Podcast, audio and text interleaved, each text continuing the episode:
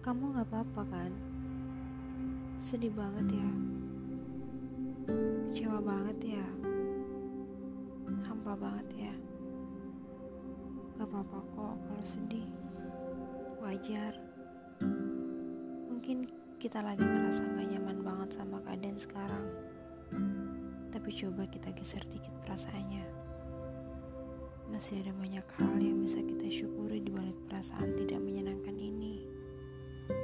Setidaknya dari rasa sakit, kecewa, atau hampa, masih ada sesuatu yang bisa kita pelajari, yaitu ikhlas. Ya udah yuk, lanjut lagi bilang, aku gak apa-apa, aku baik-baik aja. Dan jangan lupa taruh senyum paling manis dua jari.